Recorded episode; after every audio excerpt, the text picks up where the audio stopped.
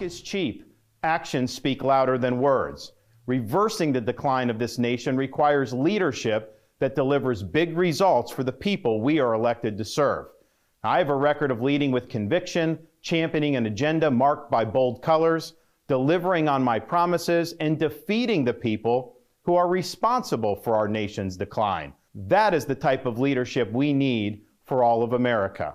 Now, over the past many months, Casey and I have traveled across the country to deliver a message of hope that decline is a choice and that we can, in fact, succeed again as a nation. Nobody worked harder, and we left it all out on the field.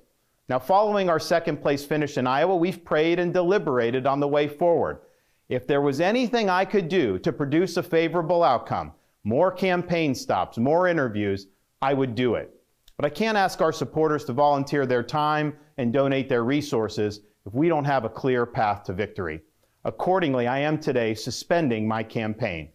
I'm proud to have delivered on 100% of my promises, and I will not stop now. It's clear to me that a majority of Republican primary voters want to give Donald Trump another chance. They watch his presidency get stymied by relentless resistance, and they see Democrats using lawfare this day to attack him. Well, I've had disagreements with Donald Trump, such as on the coronavirus pandemic and his elevation of Anthony Fauci. Trump is superior to the current incumbent, Joe Biden. That is clear. I signed a pledge to support the Republican nominee, and I will honor that pledge. He has my endorsement because we can't go back to the old Republican guard of yesteryear, a repackaged form of warmed over corporatism that Nikki Haley represents. The days of putting Americans last of kowtowing to large corporations, of caving to woke uh, ideology are over. Ron DeSantis hoorde je vanuit Florida, waarin hij inderdaad zegt: Het is hier wat warmer, daar voel ik me wat meer thuis. Nou, hij zal ook een stuk meer in Florida gaan zijn, want hij beëindigt zijn presidentscampagne ja, Wim Daniels zou zeggen, de dag die je wist dat zou komen. Want dat is dit natuurlijk ook wel. Hè. We hebben het er al een paar keer over gehad. Na de verkiezingen in Iowa, waar Ron DeSantis al zijn ja, hoop op had gevestigd. Hè. Honderden uh, miljoenen dollars in had geïnvesteerd. Zijn hele campagne-team had ge plant en vervolgens nog eens 99 van de 99 counties, zeg maar gemeentes had bezocht. Ja, daar moest het allemaal gebeuren en daar verloor hij niet alleen van Donald Trump, daar verloor hij flink van Donald Trump. Hij probeerde er nog een mooie draai aan te geven destijds van nou, ik ben toch maar mooi tweede geworden. Ik had ook derde of vierde kunnen worden, zoals Nikki Haley of uh, Vivek Ramaswamy uh, zijn geworden.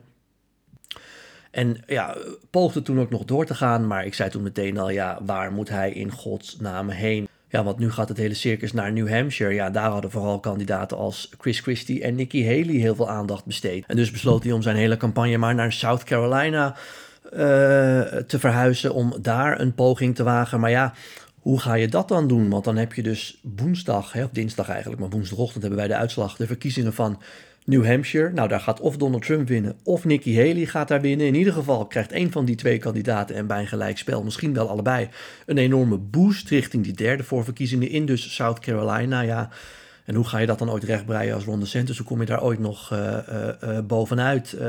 een heel bekend voorbeeld is Rudy Giuliani. inmiddels natuurlijk de gevallen advocaat van Donald Trump. Maar hij is uh, uh, natuurlijk ook oud-burgemeester van New York en was in het begin van dit millennium een populair politicus, werd toch Amerika's burgemeester genoemd. En in 2008 deed hij dan ook mee aan de presidentsverkiezingen bij de Republikeinse Partij en scoorde daar ook aanvankelijk heel erg hoog in de peilingen, in de landelijke peilingen dan. En zijn strategie was, weet je wat, uh, ik sla heel Iowa over. Ik sla zelfs uh, South Carolina en New Hampshire over. Ik wil gewoon bij de eerste, de beste, hele grote staat mijn punten pakken. En zijn campagne begon eigenlijk pas in Florida. Dat was geloof ik de vierde, vijfde of zesde staat die daarvoor verkiezingen hield. Met als probleem dat toen ze eenmaal bij Florida aankwamen, zijn score miserabel was. omdat ja, dan ben je overschaduwd door het succes van andere kandidaten die het gewoon heel goed doen bij al die andere voorverkiezingen. En als jij daar steeds een loser bent, ja, dan knaagt dat ook aan jouw populariteit in staten waar je misschien later wel heel populair bent. En dus bleef er niks van die campagne van Giuliani over. En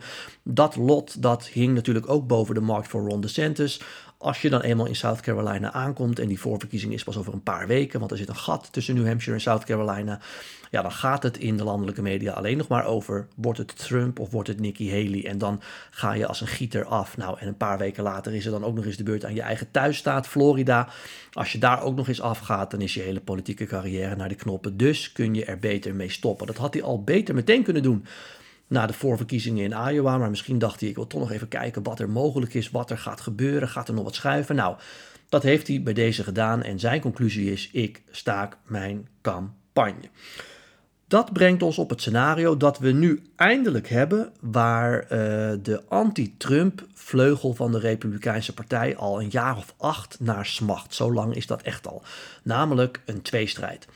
Uh, in 2015, 2016 uh, zeggen zij heeft Trump kunnen winnen omdat continu er maar heel veel tegenstanders in de race uh, blijven. En toen het uiteindelijk een tweestrijd werd tussen hem en Ted Cruz, ja, toen was Trump al bijna niet meer in te halen. En dus, dat heb ik ook, hè, meerdere podcasten besproken van het najaar al, was deze keer de strategie, uh, heel veel kandidaten moeten zich heel snel gaan afvragen of ze nog wel in de race moeten blijven. Nou, dat is gebeurd, want vlak voor de verkiezingen in Iowa was bijna iedereen al opgestapt. Zelfs Chris Christie was daarvoor al uit de race.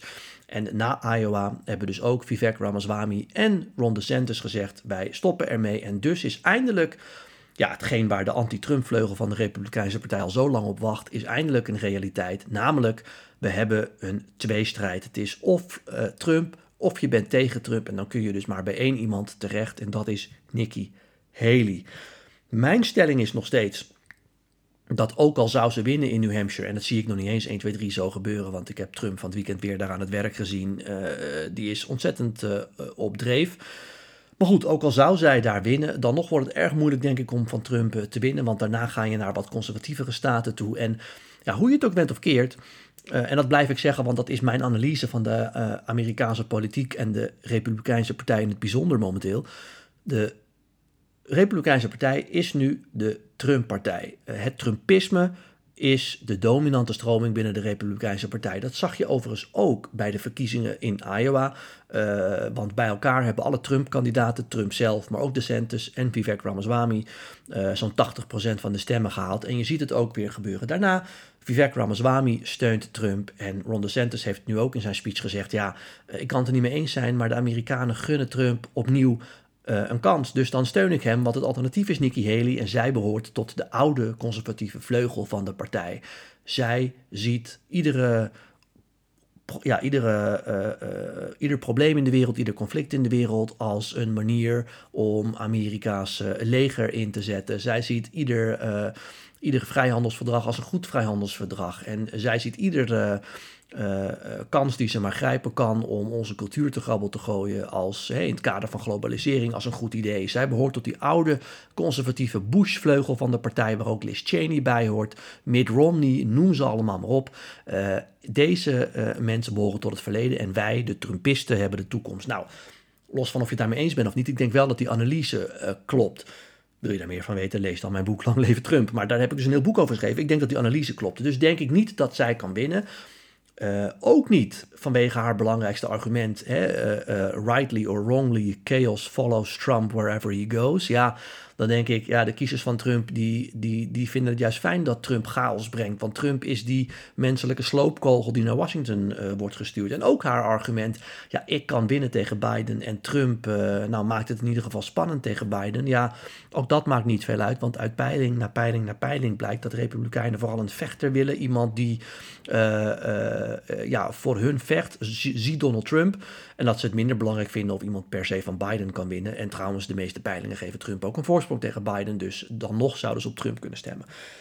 Met andere woorden, twee dingen kunnen tegelijkertijd waar zijn. Ik zeg het vaker. We hebben nu eindelijk die tweestrijd waar al die mensen, de never Trumpers, waar al die mensen die tegen Trump zijn, al jarenlang voor pleiten. Die gaat er nu komen. Dat vind ik leuk, want dat maakt het spannend. Dus uh, tot zover uh, uh, alleen maar gejuichen vanuit mij. Ik vind, wil eindelijk, eindelijk willen zien wat dat dan gaat opleveren.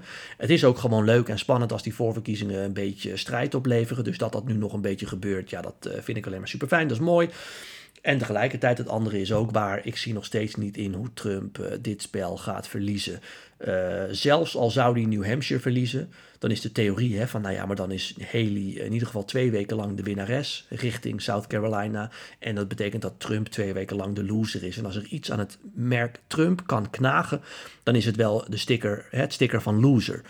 Dat ben ik ook overigens ook wel eens hoor. Ik denk dat dat ook de enige manier is om Trump te verslaan. Om te laten zien dat het een loser is. Als dat zo is, dan kun je van hem winnen.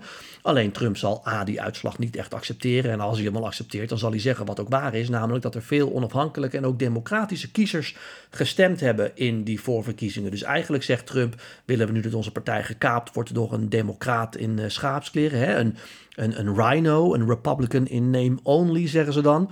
Of willen we zelf die partijen die we eindelijk over hebben genomen, willen we die uh, voor onszelf houden? En ik denk dat de Republikeinse kiezers in meerderheid zullen zeggen, ja, dat willen wij. En we willen niet dat een Rhino, een Republican in name only, uh, onze partij overneemt. Is Nikki Haley een Rhino? Nou, officieel niet, want ze is natuurlijk echt een Republikein, geen Democraat. Alleen, ze behoort tot die traditionele vleugel van de partij. En ja, die is nu in de minderheid van de partij is mijn voorspelling. Maar nogmaals, en daar wil ik dan mee eindigen, het wordt in ieder geval heel spannend en dat moeten we toejuichen, want dat is uiteindelijk A. Uh, fijn als je van Trump af wil, want dan heb je een alternatief. Het is ook fijn als je voor Trump bent, want Trump wordt er alleen maar beter van als hij moet vechten voor die overwinning. Als hij het cadeau krijgt, is voor niemand goed. En C, wat ook nog wel heel fijn is, ik heb zoals je weet geen voorkeur. Uh, dan is het alleen maar gewoon spannend om uh, deze exercitie te volgen en om te kijken, nu we eindelijk die tweestrijd hebben, wat er dan gaat gebeuren. Goed, tot zover weer. Uh, uh, deze update. Ron DeSantis staakt zijn campagne dus. De tweestrijd is werkelijkheid. Op naar New Hampshire. Maar eerst nog even op naar jullie vragen die jullie weer hebben ingestuurd via Twitter, Instagram en LinkedIn. Ja, de eerste vraag van, is van Arjo. Arjo die vraagt, uh, beste Raymond, ik volg je uh, graag op tv. Complimenten. Nou, hartstikke fijn om te horen. Uh, maar toch een brandende vraag. Misschien ook iets om een keer op tv te benoemen. Waarom zien en horen we zo weinig van Kamala Harris? Ja, Arjo, um, daar hebben we heel veel podcasts geleden ook al een keer bij stil gestaan. Ehm, lang verhaal kort. Het botert niet zozeer tussen Biden en haar. De relatie schijnt niet zo goed te zijn. Uh, normaal gesproken zou je zeggen als Biden zijn, hè, ik ben op leeftijd, ik treed een keer terug. Ik ga mijn running mate voorbereiden om mij op te volgen. Maar Biden wil door. Ja, en dus wordt zij een beetje klein gehouden. Dat is waarschijnlijk ook een van de redenen dat het niet zo botert. Uh, en daarom horen we ook zo weinig uh, van haar. Als we meer van haar zouden horen, zou dat betekenen dat Biden ook wel langzaam aan zijn pensioen zou denken. Maar dat is niet zo. Dan Christophe, uh, hoe is het mogelijk dat juist in Amerika, het land dat democratie en vrijheid predikt op het hoogste niveau, uh, dat het mogelijk is dat een president die zoveel belastende en mogelijk strafbare feiten uh, op zijn kerkstok heeft, mogelijk kan winnen? Ja, Christophe, er zijn twee dingen waar je aan moet voldoen om president te worden. Je moet in Amerika geboren zijn en je moet ouder zijn dan 35 en that's it. en de democraten zeggen dan hè, van ja,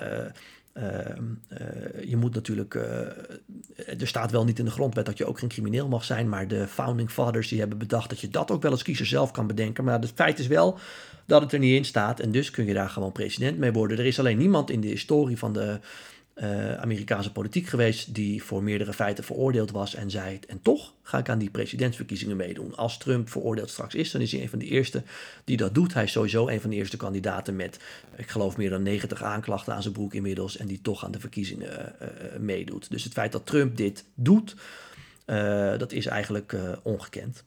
En dat maakt dat het wel mogelijk is, maar toch nog ongekend is natuurlijk.